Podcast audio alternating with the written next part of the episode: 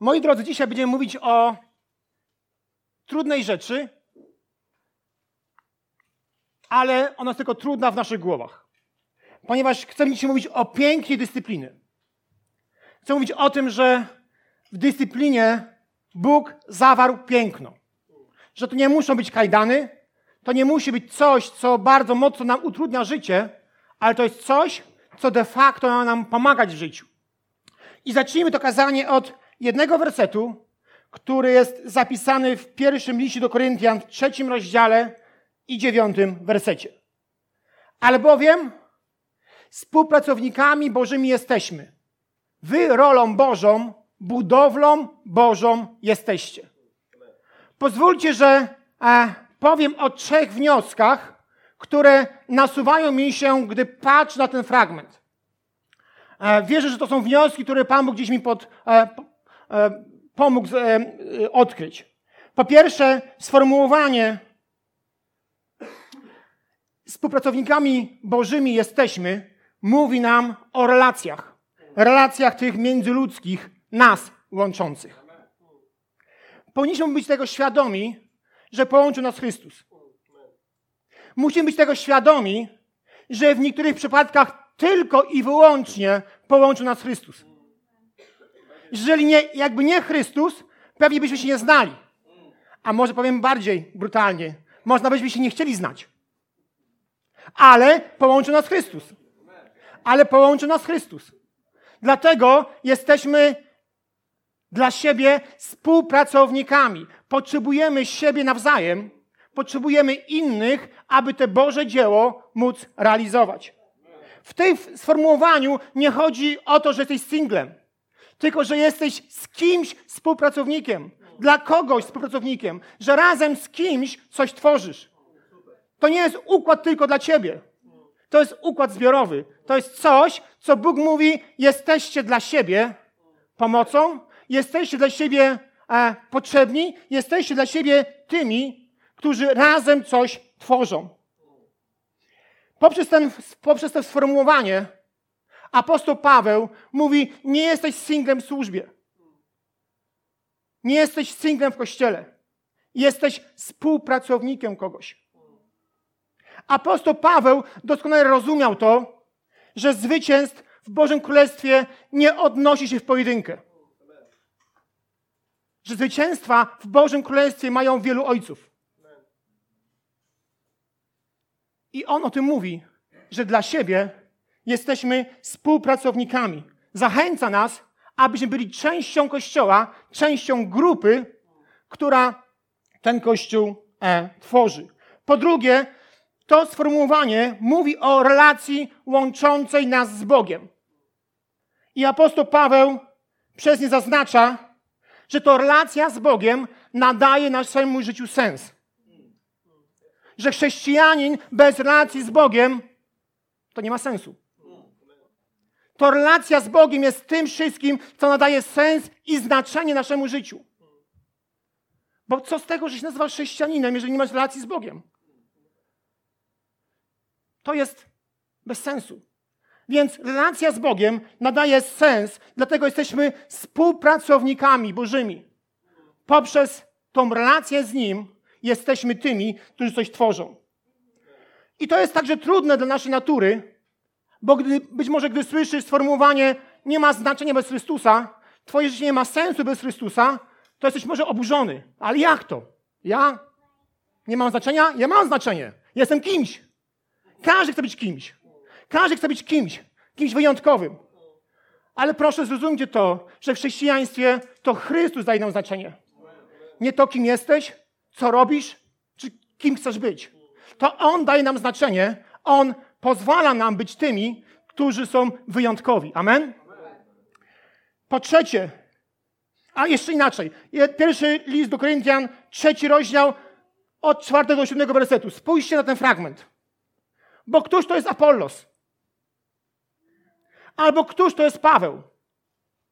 Słudzy, dzięki którym uwierzyliście, a z których każdy dokonał tyle, ile mu dał Pan.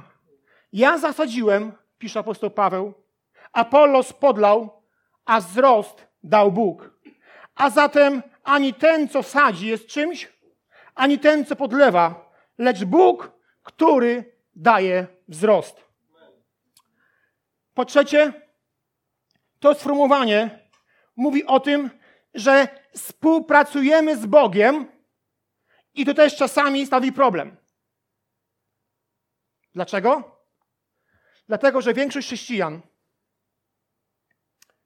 oczekuje Bożego działania, które nas nic nie kosztuje. Oczekujemy działania, które nas nic nie kosztuje. I powiem Wam o jednym wydarzeniu, o jednym zdarzeniu, które mi powiedziało o tym, że ja też należę do tej grupy. Że należę do grupy, która oczekuje Bożego działania bez moich jakiejkolwiek ceny, kosztów. Oczekuje cudów, a nie procesów. Jak pewnie część z Was wie, mam problem z kręgosłupem. E, problem ten narastał z każdym miesiącem, do tego stopnia, że e, ostatnimi czasy praktycznie co tydzień byłem u naszego znajomego Łukasza i on wstawiał mi dysk, który mi co chwilę e, wylatywał. Modliłem się o cud. E, bardzo żarliwie, bardzo gorliwie, ale ten cud nie narastał.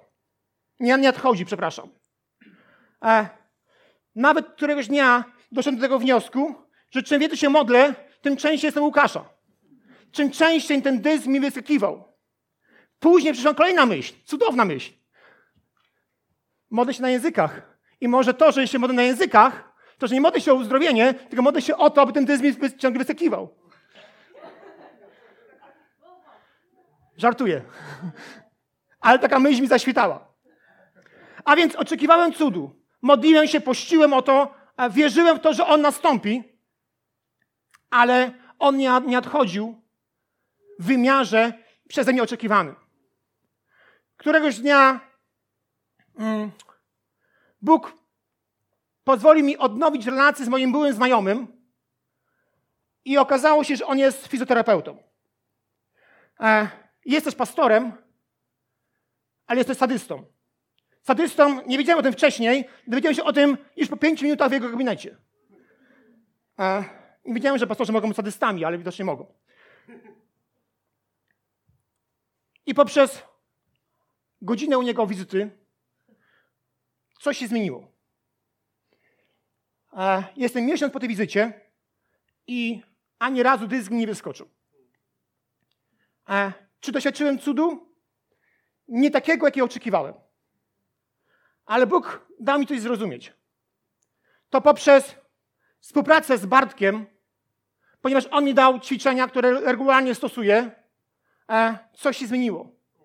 Nic mu nie ujmuje. On ma świetne ręce, e, pięknie masują, bardzo to, mocno czuć. E, jest dobry w tym, co robi, ale to nie masaże, to nie różne uciski, tylko to, że dał mi zestaw ćwiczeń odpowiedni do mojej, e, do mojej dolegliwości i poprzez miesiąc każdego dnia to robię i problem się kurczy. Oczekiwałem cudu, który mi nic nie będzie kosztował. A Bóg mówi, a leniuchu, nie, nie, nie, to nie tak, trochę się pomęczymy. Czy Bóg mnie opuścił? Nie. Bóg dał mi możliwości, abym z tego wyszedł, ale nie tak, jak tego oczekiwałem. Przy okazji dowiedziałem się, że często jest tak, że my mamy taki i taki schemat na cud. On ma, być, on ma być w ten sposób wykonany tego dnia i o tej chwili. A Bóg posłużył się zupełnie innym cudem niż oczekiwałem. Procesem.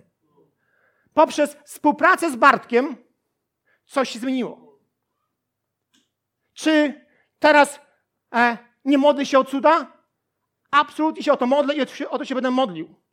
Ale zrozumiałem, że nie wszystko jest według mojej, e, moich pragnień i oczekiwań robione. Zrozumiałem, że Bóg chce mi czegoś nauczyć. Mówi kolego, poprzez proces cię uleczę, a nie poprzez cud. Dlatego to często jest problem, ponieważ modlimy się o cuda i tego oczekujemy i tego będzie, to będziemy robić, ale chcemy Bożego działania, które nas nic nie kosztuje. Byłoby pięknie. Siedzieć sobie każdego dnia w fotelu, nie ćwiczyć godziny dziennie, siedzieć sobie w fotelu, przychodzi Pan Bóg, cyk, cyk, cyk, cyk, kręgosłup się prostuje, dysk nie wypada, halleluja. I Bóg może tak uczynić. Ale w tym przypadku wybrał inną metodę. Powiedział, oj Leniuszku, troszkę się pobawimy. Troszkę inaczej się e, do tego zabierzemy. I to często jest problem, bo gdy słyszymy cud, to myślisz sobie w ten i w ten sposób. Czy moja dolegliwość kręgosłupa jest, była dla Boga zbyt duża? Absolutnie nie. Porównaniu z tym, że zatrzymał Morze Czerwone, czy że uzdrawiał trędowatych, to jest pikuś, to jest drobnostka. Ale Bóg powiedział nie w ten sposób, tylko w inny. Chce mnie nauczyć, aby być Jego współpracownikiem. On coś daje, a ja to realizuję. I to jest jedna z piękniejszych rzeczy, jedna z ostatnich lekcji, która do mnie dotarła.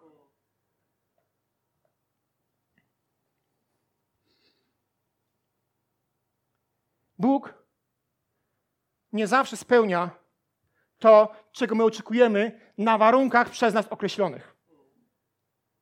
Gdy wierzysz, gdy modlisz się pewne rzeczy, to określasz pewne warunki. I bardzo często Bóg na to, jakby Bóg w to wchodzi. Ale częstokroć robi to po swojemu, zupełnie inaczej niż wyglądają Twoje oczekiwania. Mam przeświadczenie, że przez tą historię Bóg do mnie powiedział: Ja używam cudów i procesów. Jednak częściej używam procesów niż cudów, ponieważ to procesy, a nie cuda was zmieniają. Powiem to jeszcze raz. Ja używam cudów i procesów, jednak częściej używam procesów niż cudów, ponieważ to procesy, a nie cuda was zmieniają. Musimy modlić się o cuda i być na nie otwartymi, ale musi być też pragnienie, aby, by, aby z Bogiem współpracować w procesie. Bo przez proces On chce nas zmieniać. Bo to procesy, a nie cuda nas kształtują. Licząc na Boże działanie, musimy być świadomi pewnej rzeczy. Nowy Testament tylko trzy, w Nowym Testamencie tylko trzy razy pojawia się słowo sodzo, które jest utożsamiane z Bożym, naturalnym dotknięciem bez ingerencji człowieka. Tylko trzy razy. A jeżeli chodzi o Bożą współpracę z człowiekiem, to aż 34 razy pojawia się słowo terapeo.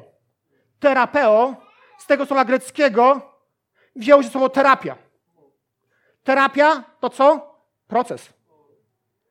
Trzy razy sodzo, Boży dotyk, 34 razy terapeo. 28 razy powie się słowo iomai, które też mówi o procesie w uzdrowieniu. To słowo iomai e, między innymi jest w fragmencie, w którym e, Bóg uzdrawia trędowatych poprzez proces. Więc Bóg mówi i o cudach, i o procesach. Ale najczęściej mówi o procesach. Terapeo i iomai. Tego znacznie częściej, znacznie więcej niż słowo codzo. A więc widzimy, że nawet poprzez częstotliwość tych greckich słów Bóg mówi jednoznacznie, ja używam cudów i procesów, ale procesów będzie więcej niż cudów.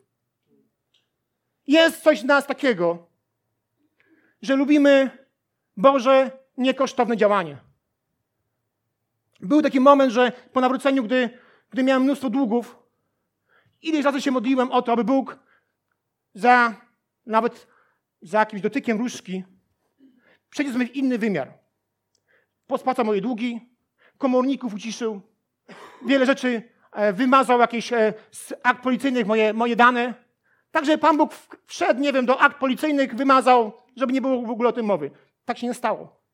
Musiałem przez wiele lat spłacać swoje długi, krok po kroku. Czy Bóg tego nie mógł zrobić? Oczywiście, że mógł. Tylko to by mnie niczego nie nauczyło. Wiem, co to znaczy długi i wiem, ile kosztuje długi spłacać. Gdyby Bóg to zrobił tak, tego bym nie wiedział. Tego bym nie rozumiał. W wielu, w wielu przypadkach Bóg posługuje się procesami, bo chce nas czegoś nauczyć. Jeżeli wszystko stanie za darmo, tego się nie nauczysz. Ale jeżeli masz proces, jeżeli uczestniczysz w tym procesie, współpracujesz z Bogiem, to zupełnie inaczej smakuje, prawda? Amen? Okej. Okay. E, a propos dyscypliny. Czy ją lubicie? Milczenie e, jest potwierdzeniem, czy też nie, w zależności od okoliczności.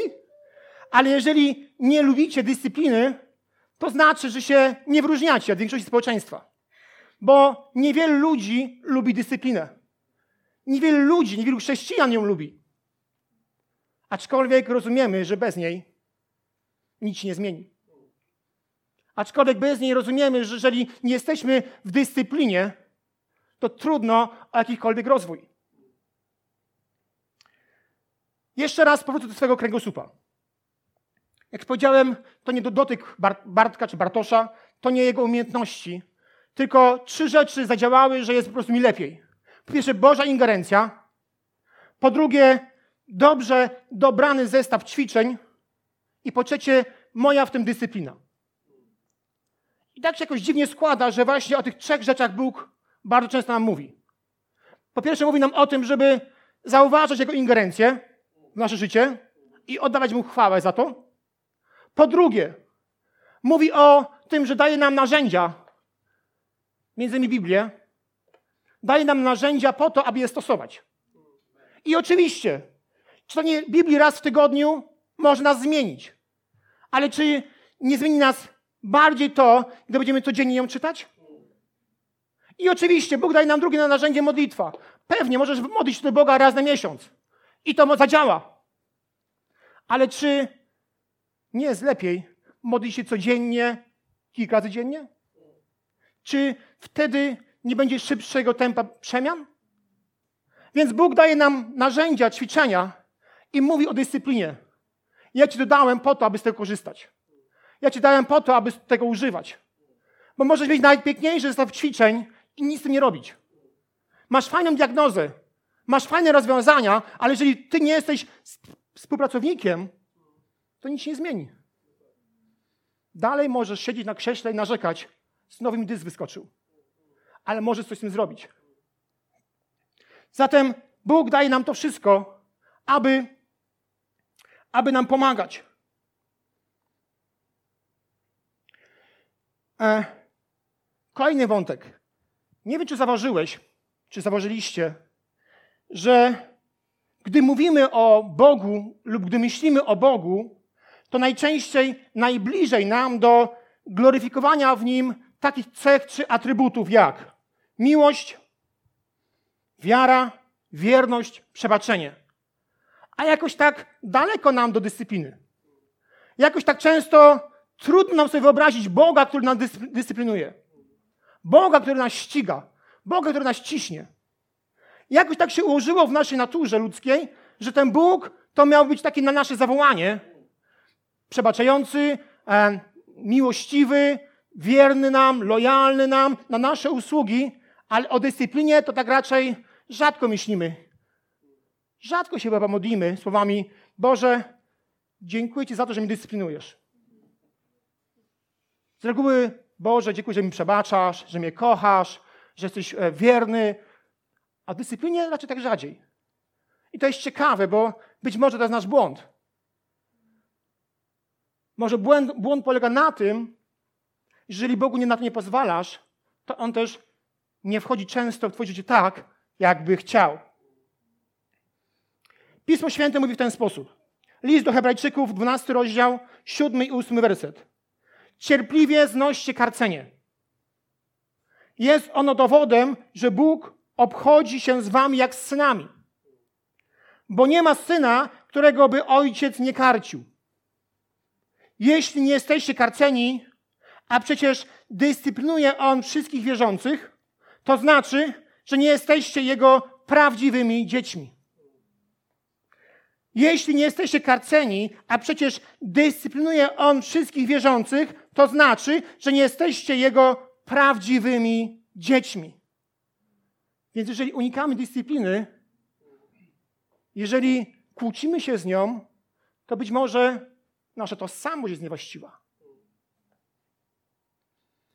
Mimo, że jako ludzie nie chcemy słuchać o dyscyplinie, ona jest prawdziwa i potrzebna.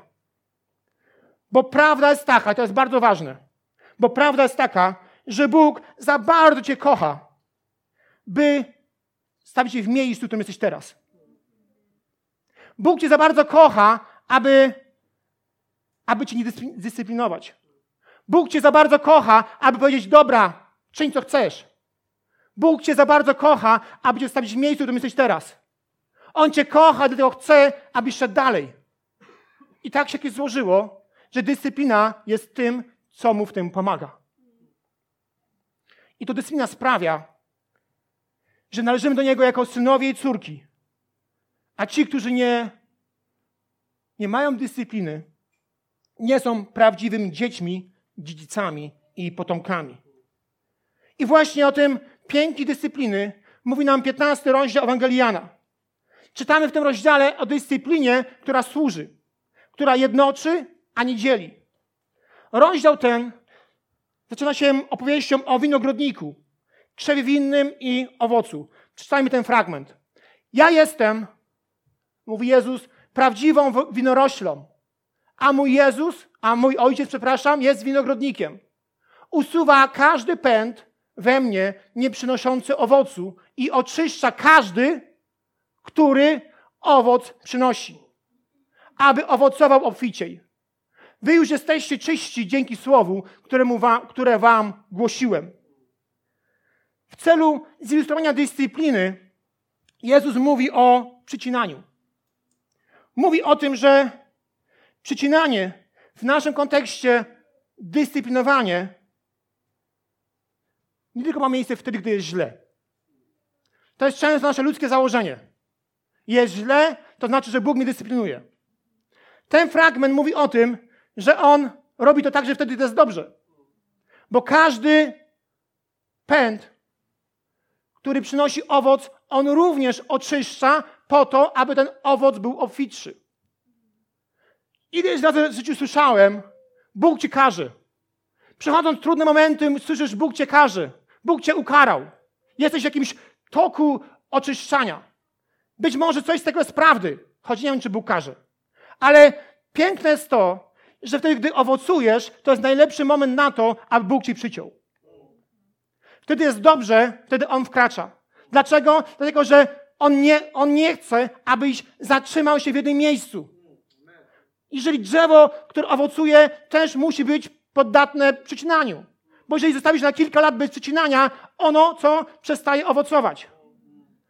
To nie jest tak, że drzewo jest raz na całe życie. Ty musisz je pielęgnować. Gdy jest na nim mnóstwo owoców, ty musisz po prostu poddać je przycinaniu, oczyszczaniu, bo inaczej co? Wyrosną dzikie pędy. Wyrosną dzikie jakieś, o, jakieś dzikie gałązki i to wszystko sprawi, że ten owoc będzie mniejszy. Więc Pan Bóg nas oczyszcza, przycina również wtedy, gdy jest dobrze. Dlaczego winogrodnik tak postępuje? Dlatego, że gdy winorośle będą bez opieki, one się tak rozrosną, że przestaną owocować. Cała energia winorośli pójdzie w gałęzie i liście zamiast w owoce. A więc winogrodnik tak bardzo się troszczy o swoje drzewo, że przycina je bardzo często po to, aby ten owoc był obfitszy. Robi wszystko, aby to nie owoce, aby to nie liście, gałęzie, ale owoce były największe. I z tych samych powodów Bóg nas dyscyplinuje. On nas przycina i nie zostawia bez opieki, ponieważ wie, że gdy sami rośniemy, to są większe liście i gałęzie niż owoce. Gdy jesteśmy poza Jego opieką, wypuszczamy dzikie owoce. Jesteśmy e, tymi, którzy rodzą gałęzie i liście, a nie owoce, do których Bóg nas powołał. A więc nie chodzi o to, abyśmy produkowali liście czy gałęzie, ale chodzi o to, że Bóg chce, żebyśmy produkowali owoce. Bo owoce są wynikiem Bożego działania, a liście i gałęzie wynikiem cielesności. I może mieć najpiękniejszą koronę swego życia. Ale jeśli tam nie ma owoców, to jest tam cielesność. A jeżeli są tam owoce, to świadczy o tym, że Twoja relacja z Bogiem dobrze wygląda. Nie chodzi o to, żeby teraz się jak Adam i Ewa kryć za liśćmi pozorów. Ale chodzi o to, żeby nasze owoce były widoczne. Żeby ludzie, widząc owoce, chwalili Ojca w niebie. Bo to jest kwintesencja naszej relacji z Bogiem. Bóg tak bardzo troszczy się o owoce, ponieważ wie, do czego Cię powołał. Nie do pięknego gadania, nie do pięknych sytuacji, nie do pozerstwa, ale do owocowania. On Ci nie powołał do tego, aby stwarzać pozory, ale do tego, aby rodzić owoce. Amen? To jest Jego powołanie. To jest coś, co jest dla Niego priorytet. Jest jeszcze jeden, e, w tym fragmencie jest jeszcze jeden e, ciekawy wątek. Jest to ostatni werset. Wy już jesteście czyści dzięki słowu, które wam głosiłem. A więc najpierw Jezus mówi o tym, że będzie ich przycinał, a później dodaje, wy już jesteście czyści dzięki słowu, które wam głosiłem. Zauważ, że słowo czyści i słowo przyciąć ma tą samą podstawę. Po pierwsze. Po drugie, że nasze stawanie się czystymi w tym kontekście ma moc dzięki słowu, której Jezus głosi. A więc można powiedzieć o tym, że to dzięki słowu, które Bóg do nas mówi, on nas czyści, przeczyszcza, dyscyplinuje. To dzięki słowu, które on do nas mówi, to to słowo wykonuje w nas pracę. To jego słowo przynosi zmiany. I to od tego zależy, czy słuchamy, czy nie. Bo jeżeli nie słuchamy jego słowa, to jak ma to przynieść owoc? Więc to wszystko jest bardzo fajne, ale to dzięki słowu, które Jezus do nas e, przekazuje. I to jest bardzo uwalniające, ponieważ wielu ludzi myśli o tym, że tylko mm, złe sytuacje są Bożą dyscypliną. Jeżeli coś się dzieje dobrego i nagle coś się zmienia, to o, Bóg mnie dyscyplinuje. Nie, tak nie działa. Najczęściej to nie Bóg ci dyscyplinuje. Jezus mówi ci słowa, które przynoszą korektę do twojego życia. Dlaczego czytasz Biblię i nagle coś się zmienia? Dlaczego? Tego, że Jego słowo wykonuje pracę w tobie. I czym więcej czytasz, czym więcej przyswajasz, czym więcej na tym pracujesz, to jest coś, co przynosi korektę. Wielka ryba, która połknęła Jonasza, nie była karą, dyscypliną ze strony Boga. De facto ona mu pomogła. Ponieważ Jonasz oddalił się od Boga, nie chciał go słuchać i ta ryba była możliwością, narzędziem, w którym Jonasz znowu zaczął Boga słuchać. Jonasz odbił się od ściany. Bóg do niego mówił, a on nie chciał tego słuchać. Więc Bóg posługuje się rybą, która go zawraca do miejsca, w którym on dalej Boga słucha. I śmiem twierdzić, że takich sytuacji jest wiele. Niekoniecznie ryba, ale często jest tak, gdy przestajesz Boga słuchać, On coś robi. Dlaczego? Tego, że On ci nie chce zostawić w tym miejscu, w którym jesteś. On się nie chce temu przyglądać, jak marniejesz. On nie chce robić nic. On robi coś, aby to zmienić. Więc gdy przestajesz Boga słuchać, On coś robi. Po to, abyś zaczął Go słuchać. Bo gdy zaczniesz Go słuchać, Słowo, które nam głosi, nas oczyści. Niż teraz nie szukajcie wielkiej ryby, ale czekajcie na pewne wydarzenia, które są bardzo ciekawe. Bóg może się posłużyć wszystkim i każdym po to, aby móc nas oczyścić. Ewangelia Łukasza, dziewiąty rozdział, mówi nam o tym, że Jezus również dyscyplinował swoją dwunastkę uczniów. Widzimy w tym rozdziale, w dziewiątym rozdziale Ewangelii Łukasza, jak Jezus sobie radzi z ludźmi, którzy robili i mówili głupie rzeczy. Na początku czytamy, że apostołowie otrzymali moc i władzę do zwiastowania w imieniu Jezusa. I czytamy w drugim wersecie, że Jezus zwołał dwunastu, dał im władzę nad wszystkimi demonami oraz moc uzdrawiania chorób i posłał ich, aby głosili Królestwo Boże i uzdrawiali chorych. Później idą do swoich najczęściej rodzinnych wiosek i miast i tam głoszą Ewangelię. I czytamy w szóstym wersecie, że uczniowie wychodzili zatem i chodzili po wioskach, głosili dobrą nowinę i wszędzie uzdrawiali. Ale czytając dalej ten rozdział, widzimy, że Jezus ich konfrontuje. Dlaczego? Dlatego, że są niespójni ze standardami, o których On im mówił. Więc konfrontuje ich, dyscyplinuje ich, ponieważ ich zachowanie jest inne od oczekiwanego. Czytamy, że wracają e, z, tego, z tej podróży misyjnej, przychodzą do Jezusa pełni wypieków, mówią, Panie Jezu, to działa. Głosiliśmy Twoje słowo, głosiliśmy to wszystko, co nas nauczyłeś i to działa. Przez nasze ręce są cuda. Przez nasze ręce. Wtedy Jezus zauważa, że rośnie pewna gałąź, którą musi przyciąć. Wiedział, że jeżeli tej gałęzi nie przytnie, to ta gałąź wyda owoc, ale nie jego. I co im powiedział? Dziesiąty rozdział, dwudziesty werset. Jednak cieszcie się z tego, przepraszam, jednak cieszcie się nie, nie z tego, że złe duchy są wam podległe. Cieszcie się raczej z tego, że wasze imiona są zapisane w niebie. O czym Jezus mówi? Mówi, to nie chodzi o to, ile cudów wykonasz. Nie chodzi o to, ile przez Twoje ręce się rzeczy wydarzy.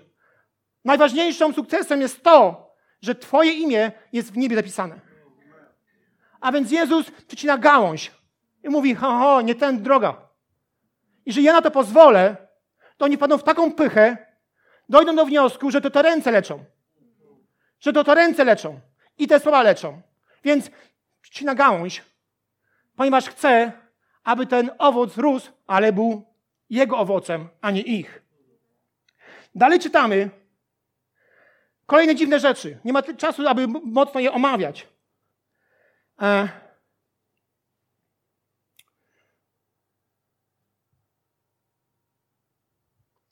Ewangelia Łukasza, 9 rozdział, 48 werset. Ten bowiem jest naprawdę wielki. Kto jest wśród was wszystkich najmniejszy? Znowu Jezus ich przycina. Znowu Jezus mówi, to nie chodzi o waszą wielkość. To nie chodzi o to, że wy jesteście doskonali. Chodzi o to, że ja to czynię. Ale tego ciągle nie rozumiecie. E, idźmy dalej, bo już nie mam dużo czasu. E, kolejny, kolejna sytuacja w tym rozdziale jest, e, mówi o tym, że gdy uczniowie idą, zobaczyli, że ktoś z innego klubu wygania demony. I znowu się wściekli uczniowie. Mówią, Panie Jezu, dobra, rozumiem nie, jest lepszy, nie jestem lepszy od Mateusza, nie jestem lepszy od Jana, ale na miłość boską jestem lepszym od nich. Dlaczego oni to robią, skoro ja miałem to robić? Dlaczego oni to robią, skoro to było moje zadanie? Czemu mi wchodzą w paradę, skoro to było moje powołanie? I znowu Jezus oczyszcza, przycina. Łukasza, 9 rozdział, 50 werset. Używa słów takich. Nie zabraniajcie. Kto bowiem nie jest przeciwko wam, ten jest z wami. Znowu nie pozwala, aby ich elitarność urosła. Znowu nie pozwala, aby ich elitarność wydała owoc. Mówi, panowie, super, fajnie, mega się też jaram tym wszystkim, ale bez przesady, tak? Bez przesady. To jestem tym, który wam to umożliwia. To nie wasza elitarność. To nie to, że jesteście w klubie 12 elitarnych ludzi. To nie o to chodzi. Wy ciągle nie rozumiecie. A więc ponownie Jezus używa słów, które oczyszczają ich życie, które przemieniają ich postawę. E, ten rozdział mówi jeszcze o jednym wydarzeniu. To w ogóle już jest cool. E, pamiętajmy o tym, że to ciągle ten rozdział mówi o pewnym eksperymencie. Że Jezus przekazuje moc i władzę niedoskonałym ludziom, młodym ludziom. Oni są też na początku swojej drogi. Więc pamiętajmy to o tym, czytając oto ten fragment. I stało się, że gdy dopełniały się dni, kiedy miał być wzięty do nieba i postanowił pójść do Jerozolimy i wysłać przed sobą posłańców, a ci w drodze wstąpili do wioski samarytańskiej, aby mu przygotować gospodę. Lecz nie przyjęli go, dlatego, że droga jego prowadziła do Jerozolimy. A gdy to widzieli uczniowie, Jakub i Jan rzekli, Panie, Czy chcesz, abyśmy słowem ściągnęli ogień z nieba, który by ich pochłonął? Jak to i Eliasz uczynił? A on, obróciwszy się, zgromił ich i rzekł, nie wiecie, jakiego ducha jesteście. Albowiem Syn Człowieczy nie przyszedł zatracać dusze ludzkie, ale je zachować. I poszli do innej wioski. Powiedzcie mi pytanie ze 100 punktów. Stawiam McDonalda przy okazji. Jakie wydarzenie Jezusa skłoniło uczniów do tego, aby spalić wioskę wraz z ludźmi? Bo oni naprawdę chcieli spuścić ogień z nieba na tę wioskę. To nie było w tym sensie, wy wyjdźcie z wioski, bo teraz będziecie ją palić. Oni chcieli spuścić ogień z nieba na całą wioskę. Na wszystkich ludzi tam mieszkających. Pytanie jest takie, w wyniku jakiego wydarzenia, patrząc na Jezusa, dojść do wniosku, że Jezus powiada to tak. Nie ma takiego wydarzenia. Spójrz na ich niedoskonałość. Ci ludzie, ja wiem teraz, obalam mit wielkich apostołów, ale ci ludzie na serio chcieli uśmiercić ileś osób tylko dlatego, że nie przyjęli służby ich ani służby Jezusa. Jezus daje im autorytet i władzę, ale oni robią coś po swojemu. Ciekawe jest to, że powołują się na Eliasza. Tylko, że jest jeden mankament. Ogień w życiu Eliasza był potrzebny. Ktoś, kto czyta Biblię, wie o co chodzi. Ale zabicie iluś ludzi, spalenie ich ogniem nie służyło Jezusowi. Jezus jest odbiciem Ojca. A więc taki czyn naprawdę by zaszkodził całej winnicy, całemu królestwu.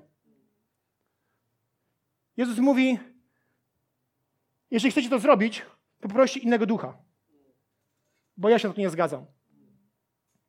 A więc patrzcie, jaki jest wielki eksperyment. Jezus daje władzę i moc ludziom niedoskonałym. Ludziom, którzy e, w naszych oczach są wielkimi, ale pewne wydarzenia mówią o tym, że są w procesie, że są na pewnej drodze do tego, aby to uczynić. Jeszcze jeden wniosek. Jakże łatwo jest nam mówić ciągle o tym, o tym e, przywołaniu do Eliasza. Jakże łatwo jest nam znaleźć jakiś pretekst do swego, swego złego działania. Powołują się na Eliasza. Ale przecież wiemy o tym, że zamordowanie tylu ludzi to niekoniecznie jest właściwe. To nie ma nic wspólnego z Ewangelią Miłości, którą Jezus ciągle pro, proklamował. To nie ma nic wspólnego z tym, co Jezus chciał uczynić. Było bardzo dalekie od Jego, od jego e, nauczań, od tego wszystkiego, e, co z sobą prezentował. A być może, kończąc, być może patrząc na ten przykład ostatni, albo jeszcze na wcześniejsze, zastanawiasz się, jak to jest możliwe, że Bóg wybrał takich ludzi, którzy po około dwóch latach chodzenia z Jezusem chcą zamordować całą wioskę. Tylko dlatego, że ich nie przyjęli, czy nie przyjęli służby Jezusa. Jak to jest możliwe, że Bóg wybrał takich ludzi, niedoskonałych, czasami dziwnych w swoim postępowaniu? Gdy ja myślę o tym fragmencie, mm, to pewna rzecz przychodzi mi do głowy i teraz chciałbym to pokazać. Monia, mogę cię prosić? Chodź. Czy mogłabyś a, tą moją kurtkę ubrać? Zobaczcie, śliczna, śliczna dziewczynka, ale w tej kurtce jakby tak poszła dziś na dni, na dni Wilunia. Słabo, co? Jak się czujesz? Ta kurtka jest dobra? Nie jest dobra. Czemu nie jest dobra? Dziękuję bardzo. To nie było umówione, ale gdy myślę o tej kurtce, to chcę powiedzieć jedną rzecz. Do powołania się dorasta. To jest Boże powołanie, to jest Boży plan dla Twojego życia. I możesz to wyglądać tak, jak Monika w tej kurtce. Do powołania się dorasta.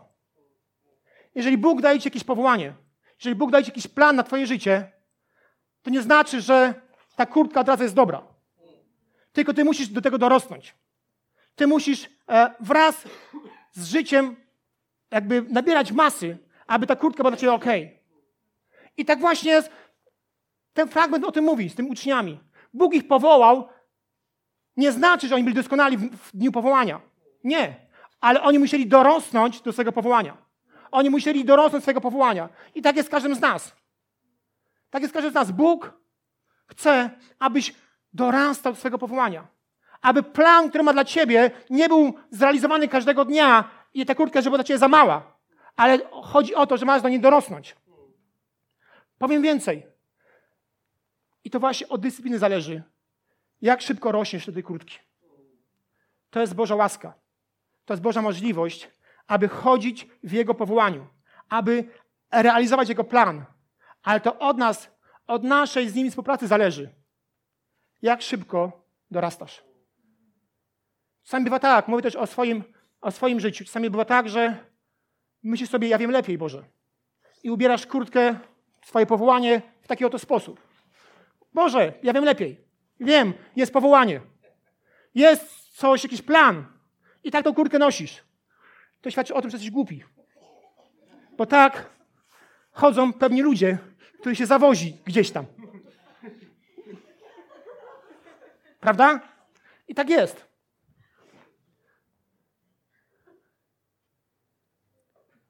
Aby rosnąć, aby rosnąć, potrzebujesz z Bogiem współpracować. Na twojej, twojej drodze spotkasz cuda, ale też spotkasz mnóstwo procesów.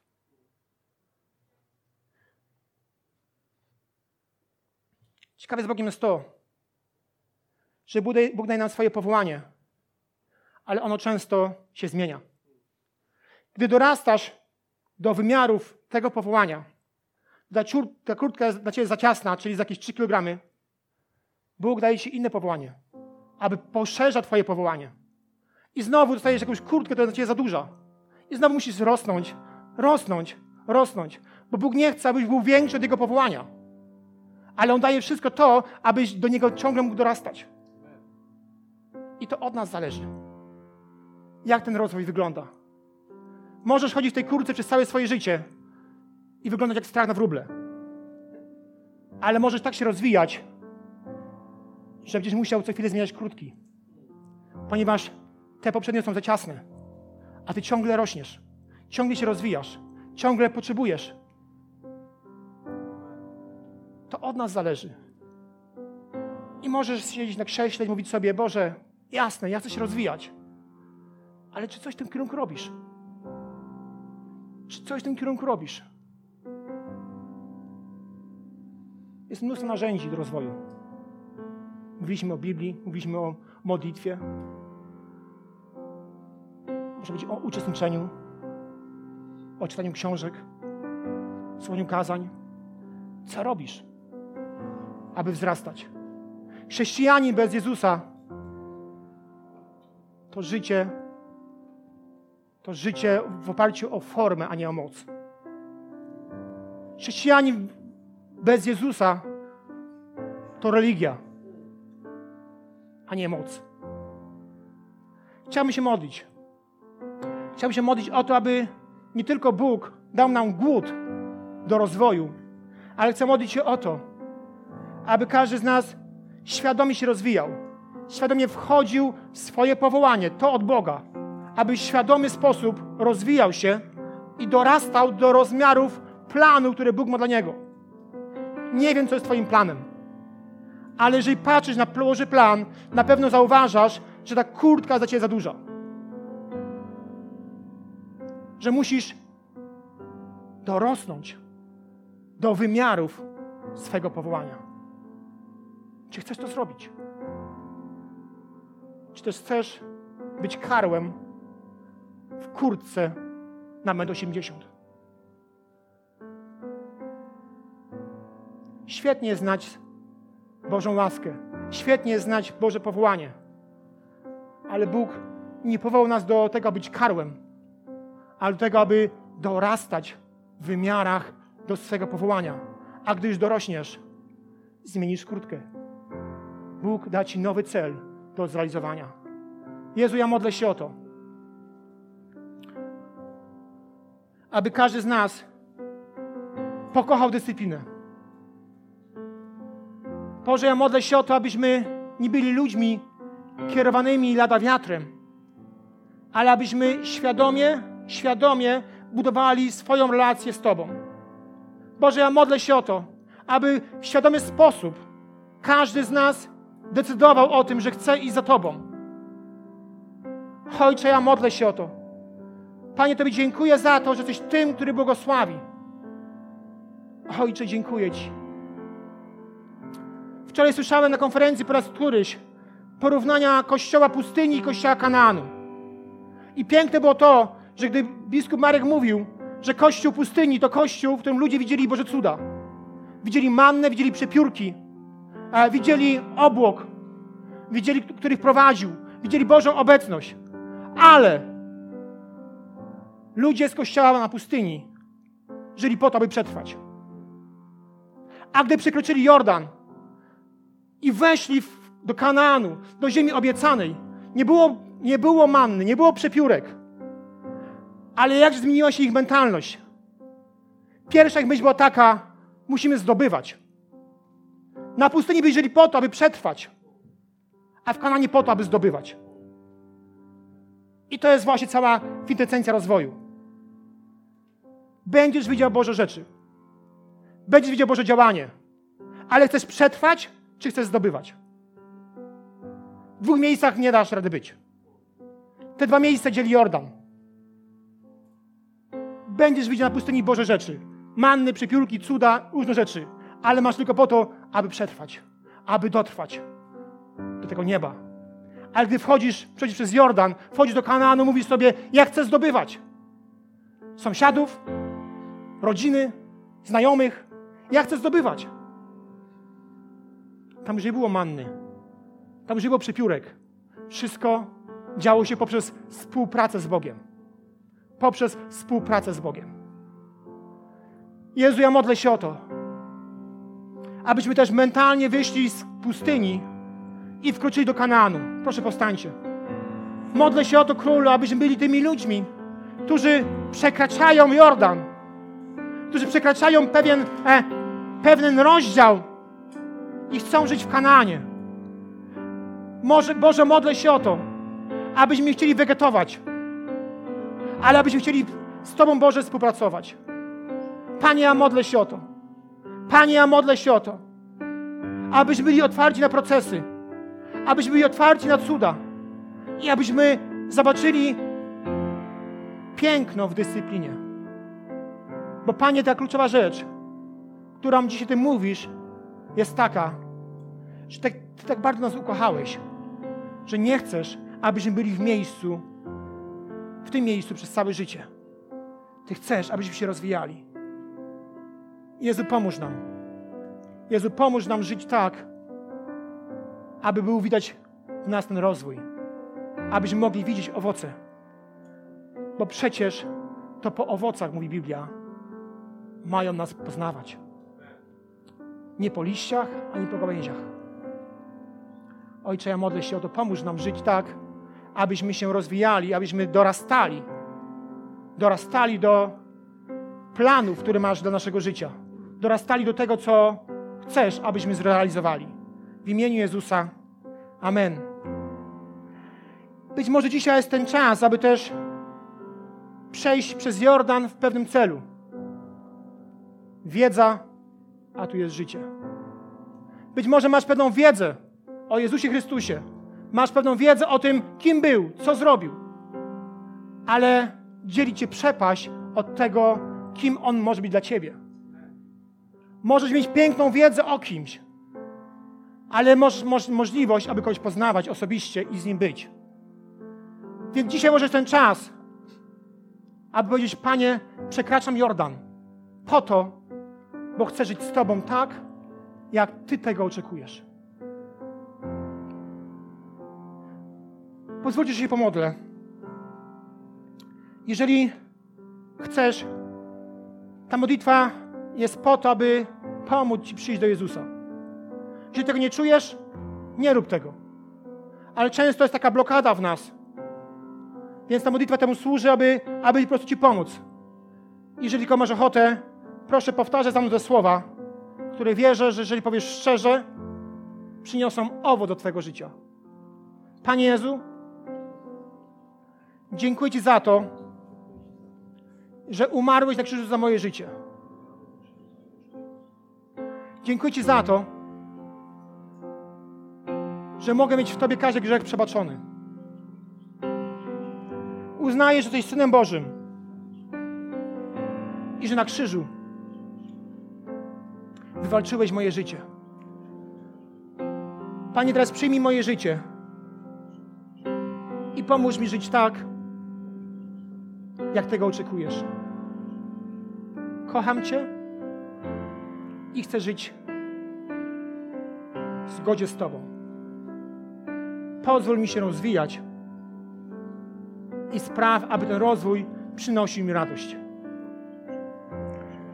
W imieniu Jezusa, Amen.